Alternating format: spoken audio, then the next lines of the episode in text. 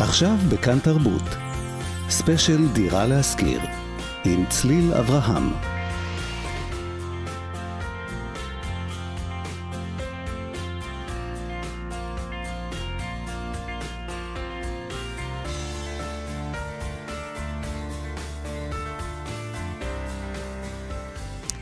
בעמק יפה בין כרמים ושדות עומד מגדל בן חמש קומות. ומי גר במגדל? לא עניינכם. לא אתם בוחרים, אף אחד לא שאל אתכם, זה לא בשליטתכם. אתם על כאן תרבות בתוכנית מיוחדת לכבוד הספר דירה להשכיר של לאה גולדברג, הספר שזכה במצעד ספרי הילדים האהובים של כל הזמנים. ובהשראה דירה להשכיר נדבר על הרצון המאוד מאוד נפוץ, וכנראה גם הדי אנושי, לבחור את השכנים שלנו. מה אנשים יעשו כדי לבחור את השכנים שלהם? בדירה להשכיר הם פשוט הולכים לחפש בניין אחר לגור בו. אבל המציאות הישראלית היום היא קצת יותר מורכבת. במשך 20 שנה ניטש בישראל מאבק משפטי וחוקתי ששב וחזר על עצמו כל כמה שנים, המאבק נגד או בעד ועדות הקבלה. ולאחר כמה בג"צים וכמה חוקים וניסיונות חקיקה, הוא הסתיים בהצלחה של הצד שמעוניין בוועדות האלה. נדבר היום עם המשפטנית פרופסור נטע זיו, שליוותה את המאבק מראשיתו על המלחמה ועל הכישלון. ועם אלי ביטן מכאן מורשת שלנו על הצורה החדשה של לובשות הוועדות האלה היום ביישובים חרדיים. אז אנחנו תכף מתחילים, העורך הוא נדב נוימן, המפיקה עירה וקסלר, הטכנאי אלעד זוהר, אני צליל אברהם. ולפני שאנחנו צוללים לנושא של ועדות קבלה, אנחנו נדבר על מה באופן כללי אנשים עושים ועשו בישראל כדי לבחור את השכנים שלהם. עכשיו בכאן תרבות. ספיישל דירה להשכיר. עם צליל אברהם. שלום לפרופסור טלי חתוקה, ראש המעבדה לתכנון ועיצוב עירוני באוניברסיטת תל אביב. שלום, שלום. מה שלומך? בסדר, מצוין. אז, אז בעצם מה שרצינו לדבר איתך, לשאול, זה באופן כללי בהיסטוריה של התכנון שלנו, עוד לפני שאנחנו מדברים על ועדות קבלה, מה נעשה כאן כדי שאנשים יוכלו לגור עם מי שהם רוצים? אז אה, אולי רק נתחיל ונגיד משהו לגבי תכנון ותכנון כן. עירוני. תכנון עירוני הוא לא משהו שצומח אה, משום מקום. הוא תמיד אה, אמצעי, הוא מנגנון שבדרך כלל עומד לרשות המדינה, שאמור לעזור לה לסייע, לארגן את המרחב, לפתח את המרחב. ובעצם כל התוצרים התכנוניים, כל השכונות, כל הערים שאנחנו בונים, הם בעצם שיקוף של התפיסות של האנשים שחיים במקום. זאת אומרת, אם תלכי לאנגליה, אז uh, תסתכלי על הערים שלהם, זה מבטא את הסדר יום האידיאולוגי הרעיוני שלהם. אותו הדבר גם בישראל. בניגוד כל... כאילו להנחה שלנו, על התחושה שיש לנו, שדברים צמחו באופן טבעי. דברים לא צומחים באופן טבעי מלמעלה. המתכנן לא יכול uh, לקבוע סדר יום uh, חד משמעי, הוא קודם כל צריך תמיד לדעת שתכנון הוא גוף שכפוף לאישורים של הבירוקרטים וקודם כל לסדר יום פוליטי-חברתי. אז זה בעצם אומר שאם אנחנו גזענים וסגרגטיביים, אנחנו קודם כל צריכים להסתכל על עצמנו. זה לא אומר שלתכנון אין כוח לשנות, אבל אי אפשר לשנות סדר יום תכנוני בלי הרצון של התושבים ושל האזרחים לשנות את זה. בואי, לפני שאנחנו מדברים על שינוי, נדבר על מה שאנחנו רואים במרחב הישראלי. איזה סוגים של הפרדות יש לנו, עוד לפני שעשינו ועדה שקובעת מי יכול לגור נכון. פה. נכון. אז קודם כל, אני, אני כן הייתי רוצה, דיברת קצת על ההיסטוריה, אז כן חשוב להגיד משהו, תכנון, כמו שאנחנו רואים אותו היום, הוא בעצם צורה די חדשה. של המאה השנים האחרונות. ואני רוצה להתחיל דווקא בחלק האופטימי, שבתחילת אה, המאה ה-20 ובשנות ה-60, גם בישראל וגם בעולם, נעשו המון המון המון ניסיונות לחבר אנשים לחיות יחד. לא תמיד הניסיונות הללו היו מוצלחים, אה, ברוב המקרים אפשר להגיד אפילו שהם כשלו, אבל האקדמיה עסוקה המון המון שנים בניסיונות שאנחנו קוראים להם תמהיל חברתי, לנסות לייצר שכונות שאנשים יחיו ביחד, אנשים שונים. ובאמת רוב המאמץ היה בשנות ה-60, בישראל היה את המושגים הנפוצים, כור היתוך, ממלכתיות, אפשר להתווכח אם זה הצליח או לא הצליח. וגם בארצות הברית, אני רוצה דווקא לתת דוגמה מאוד mm-hmm. מפורסמת, כי אנחנו חושבים שארצות הברית זה השוק וקפיטליזם, והנה האמריקאים ניסו לעשות איזשהו ניסיון מהפכני כמעט בסנט מיזורי בשנות ה-60, ולגרום לשחורים ולבנים לגור ביחד באותה שכונה. הם מימנו את הפרויקט, הם השקיעו בפרויקט, הפרויקט כשל כישלון טוטאלי. אה, בהתחלה היו קצת אנשים שגרו שם, אבל בעצם מהר מאוד זה הפך לסלאמס, הייתה נטישה, ובסוף הפרויקט הופצץ על ידי המדינה, על ידי הממשל הפדרלי הופצץ? שבנה אותו. הופצץ בדינמיט. עד כדי כך. עד אבל כדי מה, כך. בעצם נשארו שם רק השחורים? נשארו שם מעט מאוד שחורים, נשארו חלשים. זה סיפור מאוד מאוד מאוד חשוב שכדאי ללמוד ממנו, כי בעצם הופצץ כי זה הפך להיות אה, אזור של פשע ואלימות, פרויקט ענק שננטש. מה אנחנו ובעצם- יכולים ללמוד מזה? ש- שמה, בדיוק. שאי אפשר להכריח? אז קודם כל, זה הפך להיות סמל לכישלון של אה, עולם התכנון, שמנסה לחבר ולהכריח אנשים לגור ביחד, וזה נצרב נורא נורא חזק בתודעה של, ה... של המתכננים העירוניים, ובעצם משנות ה-80 ואילך, וזה כן חשוב אפילו כדי להבין את הוועדות של היום, התכנון והמתכננים העירוניים אמרו, אנחנו לא קובעים את סדר היום מלמעלה לתושבים, אנחנו לא נגיד להם עם מי הם רוצים לגור, אנחנו נייצר את השכונות, ולפי תפיסות עולמם, לפי תפיסת העולם הפוליטית של החברה, לפי תפיסת העולם החברתית של הקבוצה שיוזמת את זה, ובעצם משנות ה-80, שוב, גם בארץ וגם בעולם, אה, גם היזמים הפכו להיות שחקן מרכזי, וגם התושבים. היזמים רוצים למכור, אז הם אה, בונים אה, לתושבים את מה שהם רוצים. אבל שכונות, אני מבינה ממה שאת אומרת, שלפני כן זה לא היה ככה, שלפני כן כן קבעו היה- מי יגור איפה. כן, ולפני כן באמת היה איזשהו מאמץ הירואי, באמת האמינו שאפשר לקדם סדר יום חברתי, הוליסטי, שיתופי, אה, כזה שמכיל אה, קבוצות שונות של אנשים, וצריך להגיד שכאשר אה, עושים את זה, אה, כמובן זה הגיע מלמעלה למטה. האקדמיה עוד לא התייאשה, יש המון המון ניסיונות לחשוב איך כן להצליח לעשות את זה. איך למשל ניסו לעשות את זה?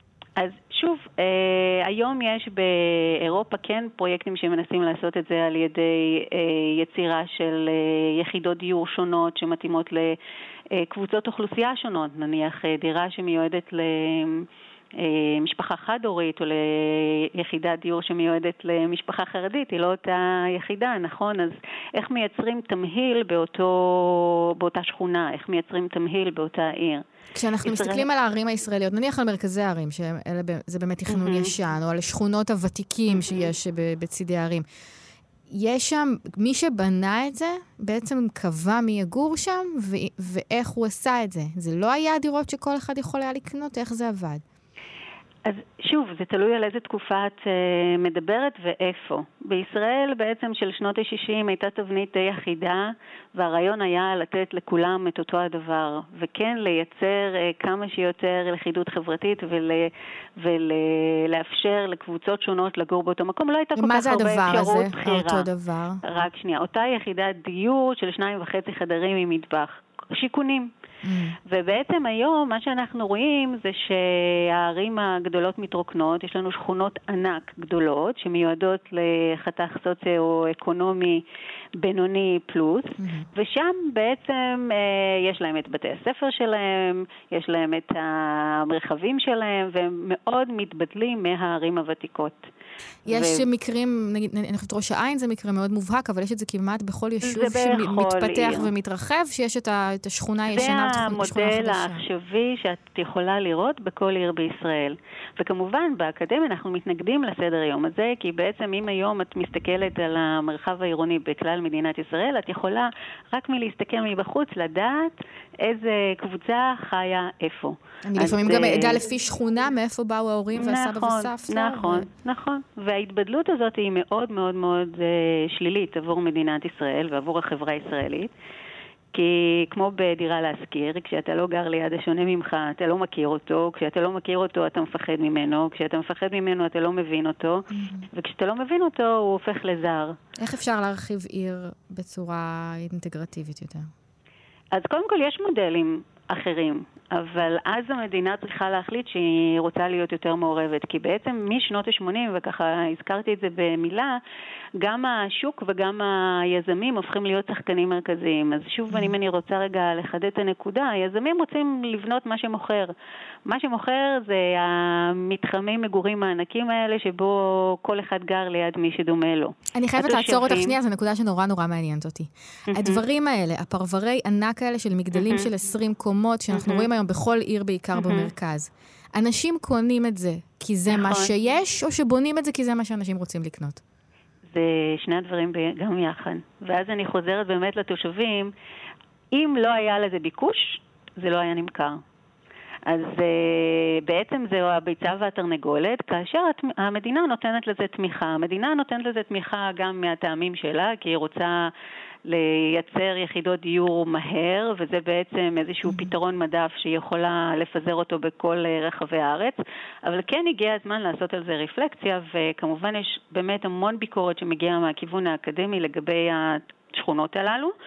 ויש הרבה דרכים להגיע לאותה צפיפות ולייצר מודלים הרבה הרבה יותר אה, אה, סביבתיים, הרבה יותר קהילתיים, הרבה יותר חברתיים. אני הרבה פעמים שואלת את עצמי, אנשי התכנון, גם אנשי האקדמיה וגם העיתונאים שעוסקים בזה, מאוד מאוד מתנגדים לשכונות האלה, mm-hmm. וכמעט תמיד הם באמת אנשים שחיים בערים ומאוד מקדמים אורח חיים עירוני. מצד שני, אפשר לומר, אנשים קונים את הבתים האלה בכמויות, המחירים שלהם יחסית גבוהים, אולי זה כן אורח חיים שהאנשים האלה רוצים, הם רואים בו איזשהו יתרון ש... mm-hmm. שאנשים שלמדו תכנון באקדמיה לא רואים, אולי יש פה העדפות אחרות. תראי, אני חושבת שבאמת אנשים, אנחנו חיים בעולם שאנשים אה, מאוד מאוד מפחדים מכל מה שהוא שונה וזר להם. זה לא סתם שכשאת מסתובבת בעולם, את רואה גם אה, רשתות שמצליחות יותר מאשר אה, חנויות אה, ככה ייחודיות. אנשים רוצים לגור או לחיות ובכלל להתנהל במצבים שהם מבינים ומכירים. זה נותן להם יציבות. השאלה היא האם המנגנונים התכנוניים בחסות המדינה יכולים לקדם סדר יום אחר. אז אני אגיד שכן, אבל צריך בשביל זה אה, גם אה, איזושהי התנגדות אה, ציבורית. אני רוצה להגיד רגע משהו שוב בפרספקטיבה היסטורית, שום מודל תכנוני לא נשאר לאורך זמן. זאת אומרת, אם אנחנו מסתכלים אפילו על ההיסטוריה הקצרה של מדינת ישראל, משנות ה-60 ואילך, אז היה לנו בהתחלה את השיכונים. אה, המודל הזה אפיין את הבנייה 20-30 שנה, אחרי זה את הבני ביתך משנות ה-70 ואילך.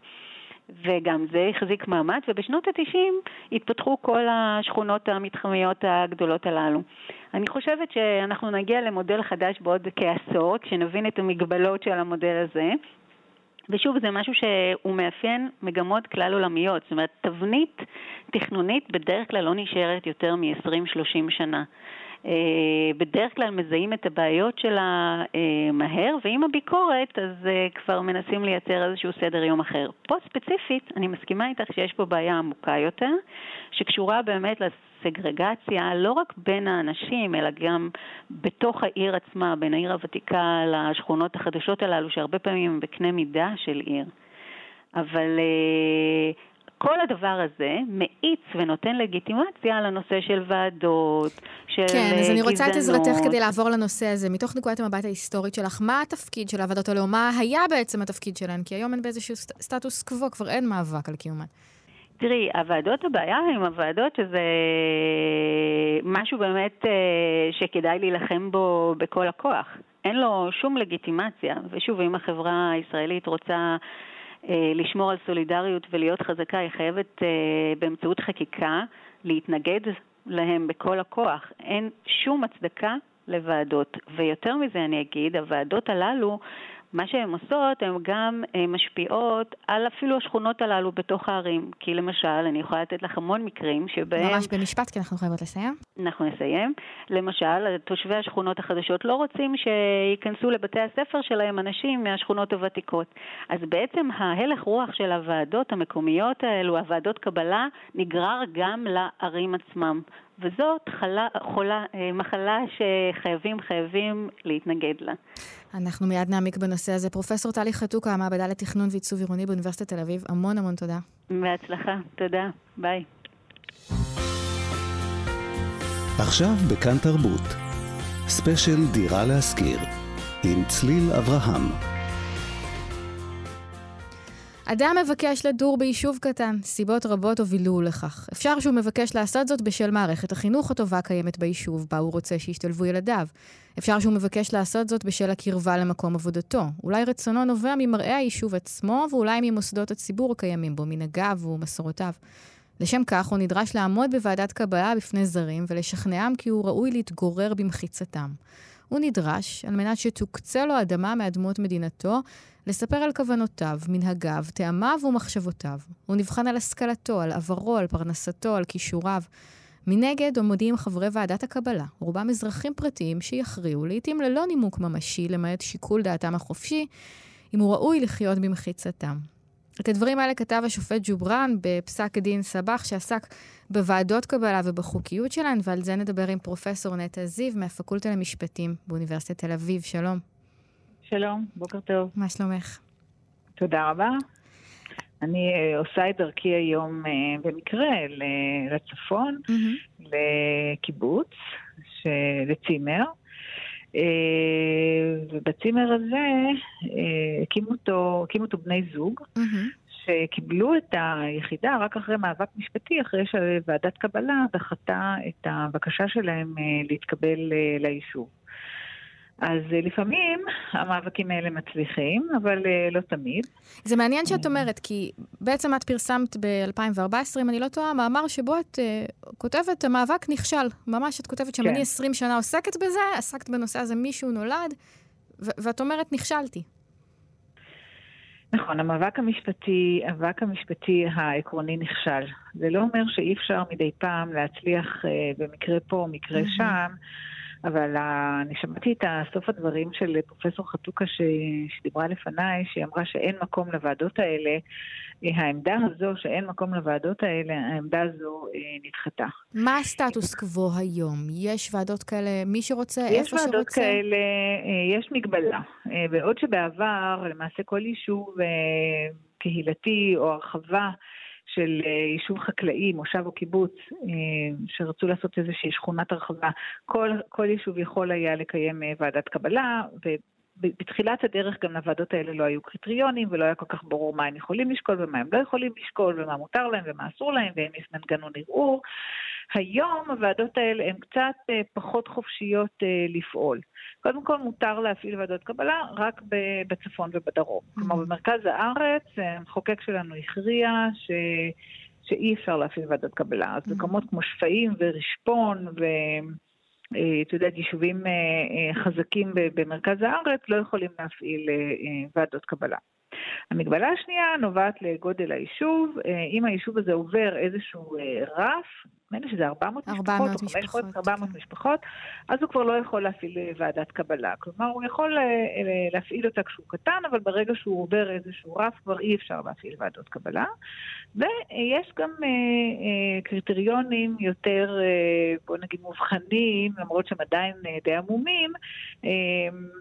איך, למה, למה ניתן לדחות אה, אדם לוועדת. בעצם אי אפשר מטעמי מוצא, גזע, מין, אה, דברים כאלה. נכון, אז זה כתוב גזע, דת, מין, לאום, מוגבלות, מעמד אישי, גיל, הורות, נטייה מינית, ארץ מוצא וכולי. אז מה אה, כן בעצם? אבל, מה כן? אז מה, מה שיש זה, זה, זה, זה שני סעיפי מפתח כאלה.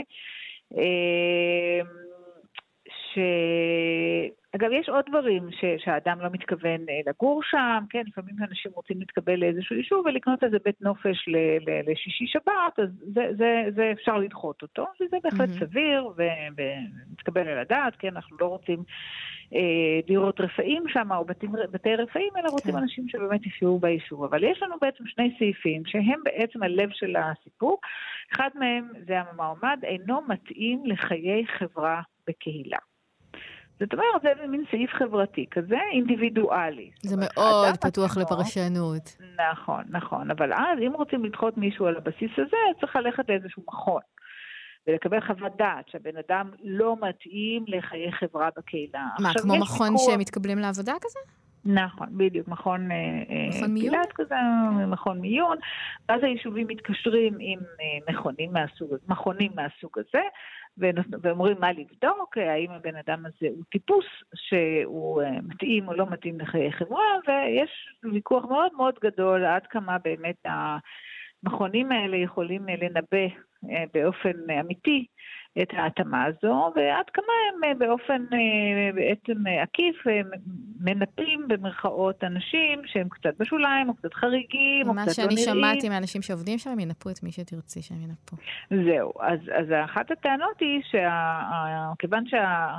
המכון הזה עובד בשביל היישוב, אז היישוב נותן לו הנחיות.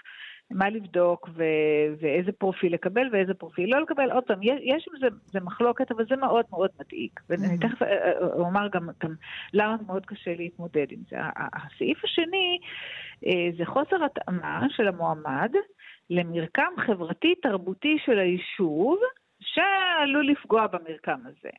אז השאלה, מה זה מרקם חברתי-תרבותי? טוב, okay, זה אוקיי? ממש שני סעיפים שמאפשרים לדחות את כל מי שרוצים מכל סיבה בעצם. אז, אז זהו, אז אם, אם אז, לא, אז תראי, אז אם יש לנו יישוב של צמחונים, כן, ואת אומרת, אה, אה, אני, אני דוחה מישהו בגלל שהוא לא מתאים למרקם החברתי-תרבותי, אנחנו פה צמחונים, או אנחנו... יש כל מיני יישובים כאלה באמת עם איזשהו ייחוד אה, של... אה, כמה כאלה, הרוב זה לא כאלה. תשמעי, אני דיברתי אתמול עם אנשים מכמה מועצות אזוריות בצפון, וביקשתי לקבל הסברים לדבר הזה, והאמת שקיבלתי הסברים מאוד טובים. הם אמרו, הם לא רצו לעלות לשידור, אז אני אייצג אותם. אמ, הם אמרו שיישוב קטן, של כמה עשרות או מאות משפחות, שנמצא במקום מרוחק, צריך אה, לבנות יכולת לספק לעצמו כל מיני שירותים, כי אין שם אה, מתנ"ס שיעשה טקסים בחגים, התושבים עושים, ואין חוגים, התושבים צריכים להתארגן ביחד ולבנות חוג ולשלם ביחד למורה, וזה אותו דבר לגבי הסעות, וכל אה, החיים שם הם בעצם חיים של תלות הדדית, ולכן כשבן אדם רוצה להיכנס ליישוב הזה, צריך לוודא שהוא ייקח חלק בזה, כי אם לא, היישוב פשוט... יקרוס. ושמעתי למשל, בתחום הקיבוצים, הרבה אנשים חושבים שלגור כן. בקיבוץ זה נורא נחמד, כי יש בריכה ויש חדר אוכל, והם לא מבינים כן. שהם יצטרכו לתרום לקהילה. האמת שזה הסבר לא רע. אז תראי, אז, אז אני מכירה את ההסבר. וזה זה הסבר שכבר רץ 20 אה, שנה, אוקיי? כן. ואני רוצה להשיב עליו בכמה, בכמה דרכים.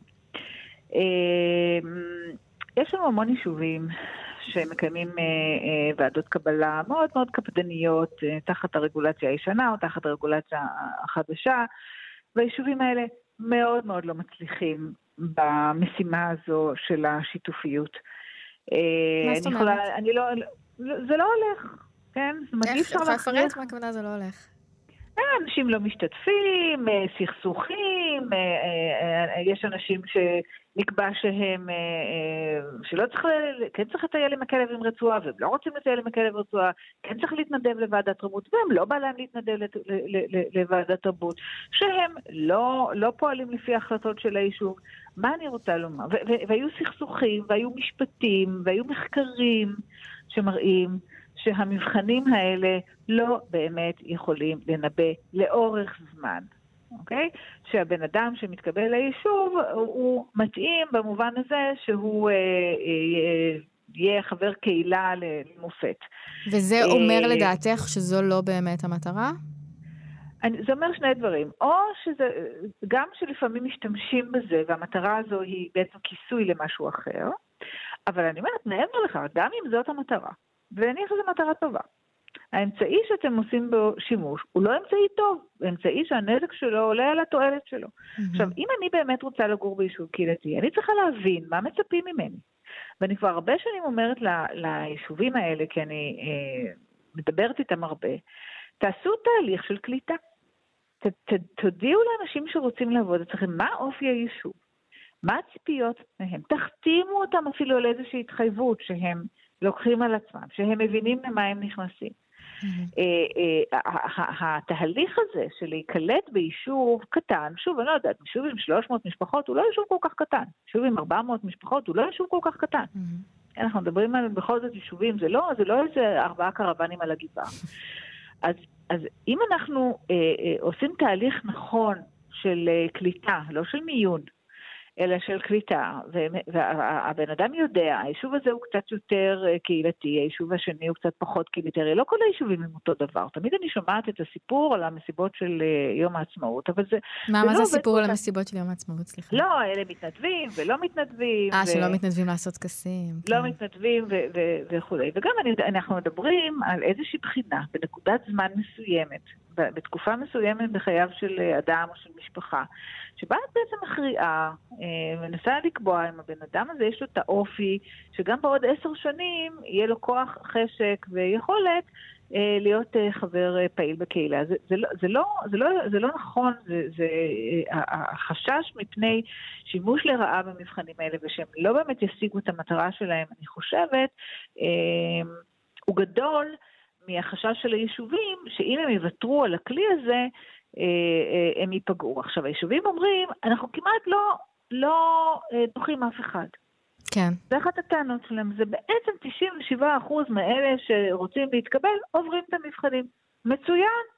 אם ככה, אז, אז, אז מה אתם דואגים? זאת אומרת שאנשים שמגיעים ליישובים זה אנשים שבאמת אה, מעוניינים אה, ויודעים למה הם נכנסים, ואת השני האחוז האלה, אז אוקיי, אז בואו, אה, בואו נראה מה, מה באמת אה, אה, יקרה.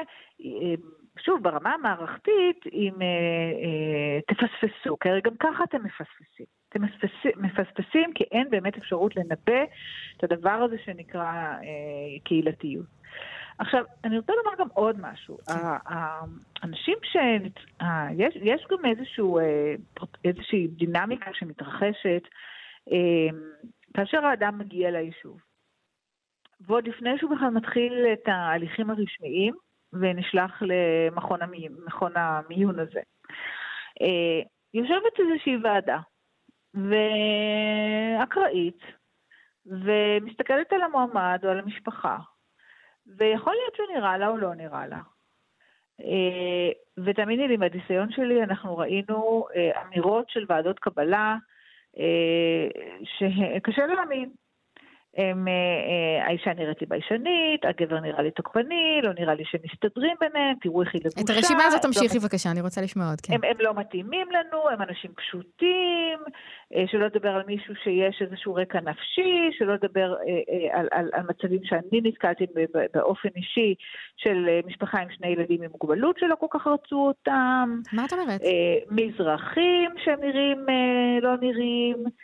ייצגתי אה, בני זוג ממגדל העמק שניסו להתקבל לאחד המושבים בסביבה והעבירו להם מסר מאוד מאוד ברור ש, ש, שהם לא מתאימים ואז האנשים האלה עוד לפני בכלל שמגיעים לפרוצדורה הם, אה, הם מקבלים אה, שדר בשפת גוף, בשפה כזאת או אחרת, והאנשים האלה מכניסים את הזנב בין הרגליים והולכים הביתה. ומאוד מבינים לבד. ו... הם מבינים לבד, אין להם כוח להיאבק על הדברים האלה. Mm. למי יש כוח? מי רוצה בכלל להשתייך למועדון שלא רוצה אותו, נכון? אז, אז בעצם יש לנו כאן גם אה, כל הרעיון שיש קבוצה שיכולה להחליט מי ייהנה מהמשאב הציבורי הזה של קרקע ציבורית, שהתקבלה בדרך כלל בסבסוד מאוד גבוה, ויושבת אה, חבורה שהצליחה להשיג את הקרקע הזאת בסיבוב הראשון, ואנחנו כבר לא נלך אחורה ולא נשאל את השאלות הגדולות של איך, אה, איך היו הקצאות הקרקע בעשורים הקודמים ובשנים שקדמו לא למדינה. לא הפעם, אבל את אומרת משהו חשוב, את אומרת מתוקף איזה זכות בכלל הם מחליטים, הרי האנשים שגרים ביישוב נכון, הם לא הבעלים של היישוב. נכון, הם לא הבעלים של היישוב, ונכון שיש להם איזשהו חופש לנהל חיי קהילה, אבל החופש הזה הוא לא, הוא לא בלתי מוגבל. ו... ואני אני, אני אומרת, יש לנו, כשאנחנו יודעים, תסתכלי על עמק יזרעאל, היישוב הזה שדיברת עליו קודם זה תל עדשים. תל עדשים, את יודעת, באמת יישוב מאוד מאוד ותיק, אה, מה... מה, שמנה והסלטה של יישובי העמק, כולם שם אשכנזים, כולם שם הסבא והסבתא באמת עבדו קשה להפריח את השממה, אבל היום אנחנו מדברים על הדור השני והשלישי והרביעי, שירשו את, ה, את השטח החקלאי הזה, הפכו אותו לשטח שהוא היום לבנייה לווילות, למגורים. למה? למה, למה מגיע להם אה, אה, להחליט מי יהיו השכנים שלהם? אה, דיברת קודם עם טלי חתוקה על המרחבים העירוניים. במרחב העירוני בדרך כלל אין לי את הזכות לבחור מי השכנים שלי. אה, למרות שאת יודעת, יכול להיות שכן מטריד ש, שפוגע באיכות החיים של כל השכונה. אז בגלל ש, שאני גרה בעיר ומישהו אחר גר ביישוב, אה, אז, אז צריך להיות הבדל בזכויות. אז אני חושבת שכל השיטה הזו היא שיטה מאוד בעייתית. עכשיו, למה אני כתבתי את המאמר הזה, כתבתי הניחו לוועדות הקבלה? כי אני באמת התעסקתי 20 שנה במאבקים המשפטיים, ואני חושבת שהגענו לאיזשהו dead end אה, בעניין הזה. Okay. אה, וזה לא שלא צריך לעזור באופן פרטני לאנשים ש, שמופלים, אבל אני, אני באיזשהו שלב אמרתי, יאללה, ניסינו, לא הצלחנו, אה, מה זה ניסינו? 20 שנה עסקת בזה כמעט, נכון? כן. מהבג"ץ הראשון בעצם. תאמיני לי, אני נוסעת לצפון, אין יישוב שלא טבעתי, אוקיי? משהו כזה. נהדר. אז אה, הנה, פה היה הזוג הזה, ופה היה הזוג הזה, ופה היה הזוג הזה. אז תגידי, פרופ' זיו, לסיום, מה למדת על החברה הישראלית ב-20 שנה של המאבק הזה? טוב, החברה הישראלית לא שונה אה, מחברות אחרות. זה מאוד מאוד טבעי אה, לבני אדם לרצות אה, לגור בסביבה לא, לא הטרוגנית, בסביבה הומוגנית, אה, בסביבה של אנשים שדומים להם ושנוחים להם ושנראים להם אה, מוכרים. אבל אה, אה, אנחנו יודעים שני דברים. אחד זה שדווקא ההומוגניות הזאת היא לא מנבאת חוסן. אה, חברתי לאורך זמן. דווקא ההטרוגניות, דווקא היכולת לפגוש אנשים שהם מקבוצות אחרות, שהם שונים ממני, היא הרבה פעמים בונה איזשהו חוסן חברתי. הדבר השני זה שלא כל מה שאני רוצה המדינה צריכה לאפשר לי, או הרגולציה צריכה לאפשר לי. ויש גבול גם ל, לרצון של אה, תושבי החברה הישראלית, כאילו אזרחי ישראל, כן, שגרים ביישובים האלה. אה, אוקיי, אני מבינה את הרצון, אני מבינה את האינטרס, אבל אה, אין כאן זכות. ובסופו של דבר, המטרה של החקיקה, המטרה של הרגולציה, היא להגביל את החופש אה, בנושא הזה. פרופסור נטע זיו מהפקולטה למשפטים באוניברסיטת תל אביב, אני מאוד מאוד מודה לך. תודה רבה. אוקיי, להתראות, תודה. ביי ביי. עכשיו בכאן תרבות. ספיישל דירה להשכיר. עם צליל אברהם. טוב, דיברנו פה הרבה על ועדות קבלה ביישובים קטנים, בנגב ובגליל, בקיבוצים ובמצפים, וזה תמיד אה, מזוהה אצלנו עם אוכלוסייה מאוד מסוימת, אשכנזים, חילונים, מעמד ביניים, גבוה. Uh, מה שגילינו בתהליך העבודה לתוכנית הזאת זה שוועדות הקבלה נולדות מחדש, או שיש להן גלגול חדש בחברה החרדית. שלום לאלי ביטן, מכאן מורשת שלנו. שלום צלי. מה שלומך? טוב, תודה. Um, אז במה מדובר בעצם? האוכלוסייה החרדית בגדול היא גרה, ב... היא מאוד עירונית. איך, איך. ועדות הקבלה האלה עובדות? באיזה צורה גיאוגרפית? כן, אז קודם כל היא מאוד עירונית והיא מאוד אה, מחולקת לשכונות. זאת אומרת, אם אה, מדברים נגיד על ירושלים, אז יש את השכונות של החרדים, או בית שמש, או אשדוד. אפילו בבני ברק יש שכונות שהן לא חרדיות. אה, וכדי לשמור על השכונות האלה, אז uh, מהר מאוד uh, עלו אצל החרדים על הטריק הזה של ועדות קבלה. כדי לשמור לפני... על השכונות חרדיות? כדי בדיוק לאפשר את השכונות החרדיות. בוא, בואי נדבר יש... קצת... ש... שנייה, אני עוצרת אותך רגע. כן. יש אוכלוסייה חילונית שצובט על אה, פרויקטים חרדיים בערים חרדיות, או בערים שהן גם חרדיות וגם לא? זה, זה משהו לפעמים? יש, לפעמים יש אוכלוסייה חילונית, אבל האוכלוסייה החילונית מזמן מזמן היא לא האיום על ההומוגניה החרדית, על ההומוגניות החרדית. אה, ומי, ומי שבאמת מאיים זה לפעמים דתיים שאינם חרדים. לפעמים זה חרדים שהם פשוט מקהילה אחרת, ואתה לא רוצה שיגורו בשכונה שלך, mm. כי אתה רוצה uh, שהשכונה שלך באמת תהיה כמה שיותר בעלת צביון אחיד, ו- ופה בדיוק צריך לדבר רגע על, על, על אופי החיים החרדי הזה, mm. המתבדל והסגור. צריך להבין שלמעלה מ-80% מהילדים החרדים נולדים בשכונה חרדית לגמרי. זאת אומרת שעד גיל מאוד מאוחר הם לא יראו אף מישהו שהוא לא חרדי, גם נהג ההסעות יהיה חרדי, גם האינסטלטור יהיה חרדי, וואו. כולם מסביב יהיו אה, חרדים. אז עכשיו, מה, אז כאילו ילד חרדי גדל עם, אה, עם חילונים כשמועה? כשמועה רחוקה מאוד, הוא מן הסתם רואה פה ושם, אבל כמה שפחות, והמטרה של הממסד החרדי הוא שהוא פ, פשוט יפגוש חילונים כמה שפחות וכמה שיותר מאוחר, ובשביל זה מקימים מערכת שלמה של בידול מכל מה שהוא לא חרדי. המערכת הזאת כמובן כוללת תקשורת חרדית, אה, אה, מערכת חינוך חרדית, בתי כנסת חרדים, אבל היא גם נכנסת לעולם של התרבות. לצורך העניין ספרי ילדים, כל הספרי ילדים החרדים הם ספרי ילדים לחרדים. דירה להשכיר למשל, או מעשה בחמישה בלונים, זה לא ספרים שיהיו אה, לילד חרדי, יהיו לו דירה להשכיר מי שלא, חרדי מי שלא, יהיה לו מעשה בחמישה בלונים, שבמקום אל תדאג רוני רון, זה סופו של כל בלון. יהיה כתוב, אל תדאג מוישי, השם יעזור, יהיה בסדר. מה אתה אומר? ממש ככה. רגע, אז מה, ובנוסף לכל אלה, יש ועדות קבלה, איך זה עובד? או, בדיוק. כדי בעצם לשמור על המסיבה, על האופי של המסיבה, אתה צריך סלקטור.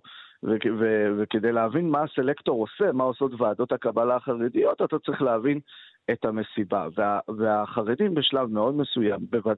אם בשל... בשנות ה-80 וה-90, כשהחרדים התחילו לצאת מתוך הריכוזים החרדים הישנים, שזה mm. מאה שערים ובני ברק, אל אה, אה, ערים אחרות ואל אה, מקומות שבהם יכול להיות שיהיו שכנים לא חרדים, אז כדי לשמור על הצביון החרדי, הם הקימו את ועדות הקבלה. ועדות רוחניות, ועדות שבראשם עומדים רבנים ועסקנים, והן ממש עובדות באופן מאוד מאוד קשוח. זאת אומרת, כל מי שקונה דירה חייב לחתום בחוזה שהוא לא משכיר את הדירה למי שלא עבר את האישור של ועדת הקבלה.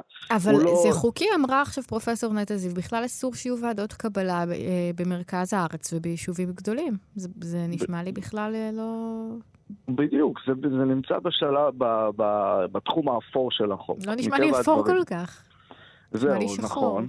אבל זה באמת הגיע לבית, אה, לבית משפט עליון פעמיים או שלוש פעמים, אבל, אה, אבל, אבל החרדים, את יודעת, בכל זאת הם, הם מנסים לעבוד אחרת, כי זה לא... הם יכולים, הם יכולים באיזשהו מקום לבוא ולטעון, אנחנו שכונה חרדית בסופו של דבר. הם, מי שהוא אה, לא חרדי הוא אה, זה, והם, הם, הכוח שלהם באמת מתבסס על החתמת חוזים, זאת אומרת חוזים אישיים של אנשים, שאומרים אני מזכיר רק לאנשים האלה. דרך, דרך החוזים הם, הם עוקפים את, ה, את הבעיות המשפטיות שיש. זה כאילו בתוך הקהילה, הם לא יעתרו אחד נגד השני. בדיוק. מי שהולך uh, לבית משפט כנגד הרב או כנגד ועדת הקבלה, הוא בעצמו כבר פסול מלהתקבל לשכונה. איך אנחנו יכולים להכיל בשכונתנו אדם שהפונה לבית משפט כנגד הרב? Uh, מה לא מפיל אנשים בוועדה כזאת? על מה לא יקבלו אותי לשכונה חרדית? אז בהתחלה, כן. אז בהתחלה, בהתחלה, מה, מה שמפיל זה בעצם אה, דתי או לא דתי, שומר מצוות או לא שומר מצוות, אם אתה נוסע בשבת, או אם אתה, אה, לצורך אה, העניין, לא מקיים, לא מתלבש כמו חרדי, או לא מתלבשת כמו אה, אישה חרדית, mm-hmm. אז כמובן שאת לא יכולה להתקבל. זה היה בהתחלה, אבל כמו שאת אמרת בהתחלה, אין כל כך הרבה חילונים שישמחו לגור בשכונות חרדיות. זה לא היה כל כך המגבלה. אז מהר מאוד זה הפך להיות כבר כלי אה, בעצם לבידול בתוך הקהילות. זאת אומרת, אם אני מקים את שיכון גור ב- בעיר ערד, או אה, בעיר אשדוד, או אה, קריית צאנז בעיר נתניה, או בעיר אה, נצרת עילית לשעבר, היום נוף הגליל, או, אה, או בטבריה, אז אני רוצה לקבל רק חסידים של החסידות שלי, מי שהוא לא חסיד צאנז, או מי שהוא לא מציית. לאדמו"ר מצאנז או לאדמו"ר מגור, אז פשוט אי אפשר להזכיר לו, אתה פשוט לא יכול להזכיר לו, ואם אתה מזכיר לו, אתה זוכה לסנקציות קהילתיות בעצמך. זה נשמע לי אבל. כמו דרך נהדרת להפלות uh, מזרחים, אם רק מישהו חסיד גור יכול להיות פה. Uh, וואלה, אין הרבה עיראקים שהם חסידי גור. בדיוק, ופה זה תמיד מגיע אותו דיון בוועדות קבלה. בהתחלה זה נשמע תמים, בסופו של דבר אנשים שרוצים לגור כמו אנשים שנראים כמוהם, נשמע לכאורה תמים, נשמע אולי צורך אה, אנושי, כמו שאמרה קודם הפרופסור, אבל מהר מאוד זה הופך להיות אפליה, והאפליה היא גם בחברה החרדית מופנית בראש ובראשונה כלפי מזרחים, שהם אומרים, כן, אה, יותר מדי מזרחים בשכונה, קצת פוגם לי באיך שאני רוצה לראות את השכונה, וממש לפי שמות, זאת אומרת, זה ממש עובד לפי שמות. אחר כך זה יכול להיות מופנה כלפי חוזרים בתשובה, זאת אומרת, אפילו אשכנזים, אבל הם לא תמיד היו חרדים, הם, הם, הם היו לפני זה אה, חילונים, אז לא יודע, אולי יש איזה דוד או דודה שיבואו לבקר, והם לא ממש מתאימים לשכונה, אז גם חוזרים בתשובה, אני מעדיף שלא. לפעמים זה אנשים שמשרתים בצבא, אחד הילדים שלהם הוא חייל, אני לא רוצה שבשכונה יסתובב מישהו עם מדים. מי מחליט, אגב? אז גם אותו אנחנו לא נקבל. ועדות הקבלה, בוועדות הקבלה בדרך כלל. בדרך כלל עומד בראשם רב הקהילה או רב דומיננטי ש, אה, שנמצא, שנמצא בקהילה, אבל מי שמנהל אותם בפועל הם עסקנים, עסקנים, אה, פוליטיקאים בדרג מקומי, אה, כל מיני מנהלי מוסדות חינוך שהם בעצם הבסיס החברתי בחברה החרדית, שהם יושבים בוועדות הקבלה, והם בעצם אומרים, אם אני לא רוצה שהוא ילמד בחיידר, או אם אני לא רוצה שהבת שלו תלמד אצלי בבית ספר, אז אני גם לא רוצה שהוא יגור בשכונה. הוועדות האלה מאוד כוחניות, הרבה פעמים אה, אה, הטענות של החרדים, אה, טענות של אנשים שלא מתקבלים לוועדות הקבלה, לא עוברים את ועדות הקבלה, זה שהוועדות האלה גם יש להן בסיס כלכלי, מושחת. זאת אומרת, קליקות סגורות, לצורך העניין, אם יש שכונה שקניית דירה בה היא הזדמנות מבחינת, הזדמנות מבחינה כלכלית, אז הם שומרים את זה למקורבים או לאנשים שהם מכירים או לבני המשפחה, ומונעים מאחרים אה, אה, אה, גם להשתמש בזכות הזו. שוב, אפליה, בהתחלה ועדות הקבלה נשמעות משהו תמים, ואז הן הופכות להיות אפליה, גם ככה זה אצל החרדים. יש התקוממות בתוך המגזר החרדי על הדבר הזה? בשנים האחרונות אה, הדבר הזה אה, כבר לא מתקבל באותה אהדה. בהתחלה החרדים הסתכלו על זה כמשהו שנועד לשרת אותם, לאט לאט הם אה, מבינים שלא. וכן, קודם כל יש מריבות פנימיות על הרכבים של ועדות קבלה, הדחות של כל מיני יושבי ראש ועדות קבלה, אם זה ביתר עילית או מודיעין עילית. אז, אז זה, זה מאבקים פוליטיים מאוד מאוד קריטיים. אפילו הקמת קואליציה עירונית, לפעמים חלק מההסכמים בקואליציה העירונית היא שינוי ההרכב של ועדת הקבלה, של כמה מהשכונות בעיר. אה, ובסוף זה גם מגיע לבית המשפט העליון, והיה כמה אה, מקרים שאנשים עתרו לבית המשפט, זה היה מאוד מאוד קשה לעתור אה, נגד ועדות הקבלה החרדיות, כי הן היו מאוד מגובות משפטית, פחות היו מנומסות אולי, כמו ועדות הקבלה הלא חרדיות. ולכן, ולכן, ולכן זה, היה, זה היה פשוט דיון בדיני חוזים, ודיון בשאלה האם, האם השוויון, הערך השוויון עומד מול חוזה שנחתם בין אנשים. אה, חלק מהמאבקים האלה נשאו פרי, היה ועדות קבלה שהשתנו, או שהיו חייבות בעצם לחשוף את הקריטריונים שלהם בפני, אה, בפני החוק או בפני הציבור, ובחלק מהמקומות לא, אבל אין לנו מקרה שוועדת קבלה התפרקה, או שבאיזשהו מקום הוא, ועדת קבלה זה פשוט לא לגיטימי, אי אפשר להשתמש בכלי הזה. מי שנאבק בוועדות הקבלה אה, בעיקר כל מיני עמותות, אה, עמותות שפועלות לשוויון בתוך החברה כן. החרדית, עמותות חרדיות, עדיין לא רשמו הצלחה. המגמה הזאת שבעצם... ממה שאתה מספר, החברה החרדית הולכת ומתכנסת לקהילות אה, קטנות ופרודות אחת מהשנייה. איך זה, איך זה משפיע על ה... איך זה משפיע עליה, חוסר אינטגרציה זה בין הקהילות הפנימיות? לנו, לחילונים, זה נראה הכל אותו דבר, אבל אתה מתאר איזושהי סיטואציה שבה כל אה, פלח בחברה החרדית הולך ומתבדל בתוך עצמו. כן. הדבר הזה הוא כאילו, הוא ממש אה, הולך ומוקצן. זאת אומרת, תחשבי שנגיד החברה החרדית מחולקת לשלושה זרמים, ספרדים, ליטאים, חסידים, שלושת הזרמים האלה יהיה להם גם גני ילדים נפרדים ובתי כנסת, אבל כמו שאת אומרת, זה הולך ומתחלק עוד בכל אחד מהזרמים בפנים, לעוד ועוד קהילות וחסידויות וחצרות, שמישהו לא ממש ממש מומחה, לא יכול להבדיל, לא יכול להבדיל. אפילו חרדים מתקשים להבדיל לפעמים. אבל הם לא מוכנים לחיות ביחד. אבל הם לא מוכנים. כל אחד מכיר את הקהילה שלו, ויכול לזהות אותה אפילו לפי הלבוש. זאת אומרת, אתה יכול ללכת ברחוב ולראות בן אדם עם כובע כזה ולהגיד, אה, הוא משלנו. או בן אדם עם כיפה. הגרביים, תמיד האנקדוטה אצל חילונים זה הגרביים, זה נכון? הגרביים, נכון. תחשבי שחסידי גור למשל מכניסים את המכנסיים לתוך הגרביים. אז אתה יכול לזהות אותו מרחוק, אתה רואה מישהו עם מכנסיים לתוך הגרביים, אה, זה חסיד גור. אה, חסידים אה, אחרים שמים את הפאות מאחורי האוזן, כאלה ששמים אותם מתחת לכיפה. מזכיר לי את הצבא.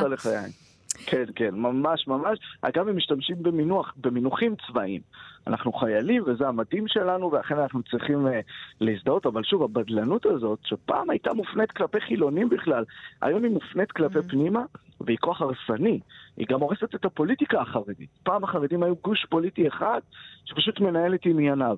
היום בערים חרדיות, לגמרי חרדיות, כמו בני ברק, או ביתר, או בית שמש, החרדים בעצמם לא מצליחים לנהל את הפוליטיקה שלהם בגלל האלמנט הבדלנות הבלתי פוסק הזה. כל הזמן כן. להתבדל, כל הזמן להתכנס.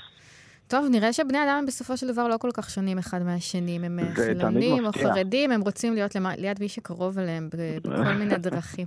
אלי, המון המון תודה, אלי ביטן, כאן מורשת. תודה.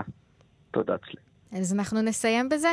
האזנתם לתוכנית מיוחדת בכאן תרבות על ועדות קבלה, והתוכנית הזאת היא לכבוד הספר דירה להשכיר מאת לאה גולדברג, שנבחר לספר ילדים האהוב ביותר במצעד שלנו בכאן תרבות. אנחנו ב-104.7, 105.3 ובעוד כמה תדרים ביניהם, ובאתר האינטרנט ובאפליקציה של כאן. ערך את התוכנית נדב נוימן, הפיקה עירה וקסלר, הטכנאי אלעד זוהר, אני צליל אברהם. תודה רבה שהאזנתם.